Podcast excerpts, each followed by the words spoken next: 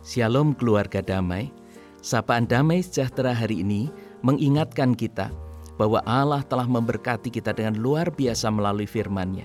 Akankah berkat itu hanya berhenti pada keluarga kita atau kita juga akan membagikannya kepada orang lain? Mereka juga membutuhkan keselamatan, damai sejahtera dari Tuhan. Karena itu mari kita membuka hati agar Allah dapat memakai kita menjadi saluran berkat bagi banyak orang. Mari kita berdoa. Bapa, kami bersyukur karena firman-Mu telah menghidupkan kami, membuat kami mengalami keselamatan dan memberikan pengharapan kekal. Kami rindu untuk membagikan berita keselamatan ini kepada orang-orang yang kami jumpai dalam hidup ini. Ajarlah kami ya Bapa.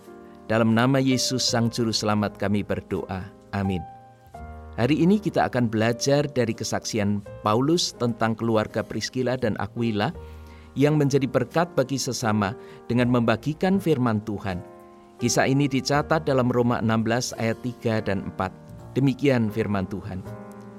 Sampaikan salam kepada Priscilla dan Aquila, teman-teman sekerjaku dalam Kristus Yesus. Mereka telah mempertaruhkan nyawanya untuk hidupku. Kepada mereka, bukan aku saja yang berterima kasih, tetapi juga semua jemaat bukan Yahudi. Keluarga damai, Aquila dan Priscilla adalah sepasang suami istri Kristen pada abad pertama Masehi yang namanya selalu disebutkan bersama-sama. Mereka bertemu dengan Paulus dari Tarsus dan sama-sama bekerja sebagai tukang kemah. Mereka bersama Paulus berkeliling memberitakan Injil dan menjadi sahabat dekat. Dan mereka sangat dihormati oleh Paulus. Pelayanan dan kepemimpinan mereka sebagai orang awam bahkan memberi inspirasi kepada begitu banyak pasangan suami istri yang melayani di gereja sampai hari ini. Tidak semua suami istri bisa bekerja sama, khususnya ketika mereka berada di dalam pekerjaan yang sama.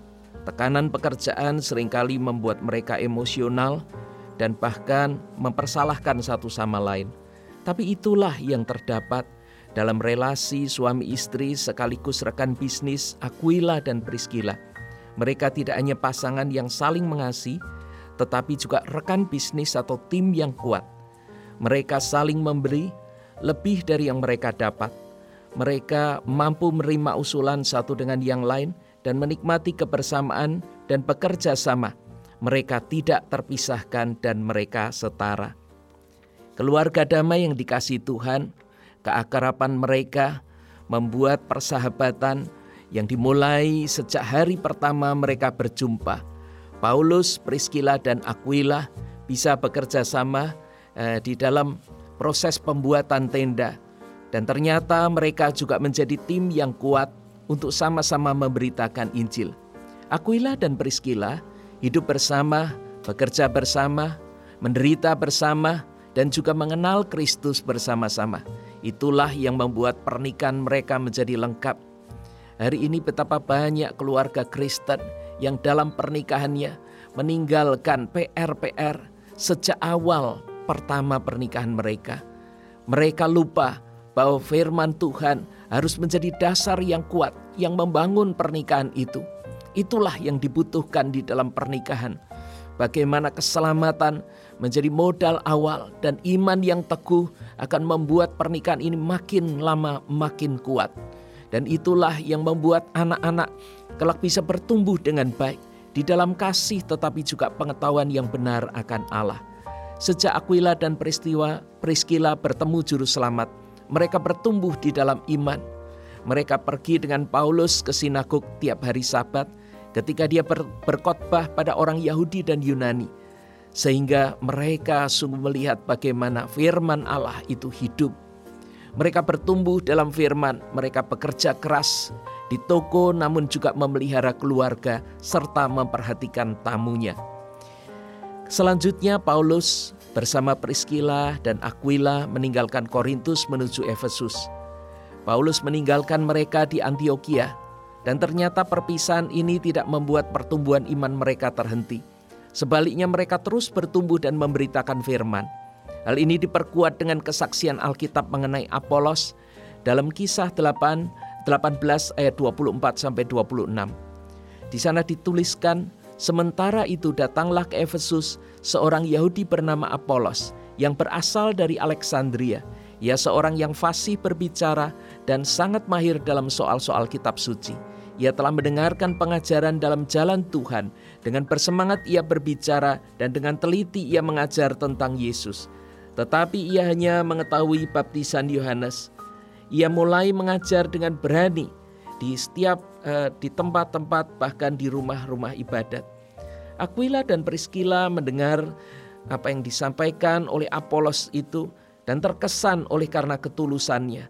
Apalagi ketika mereka melihat kasih Apolos kepada Tuhan dan bahkan pengetahuannya tentang perjanjian lama dan kemampuan bicaranya.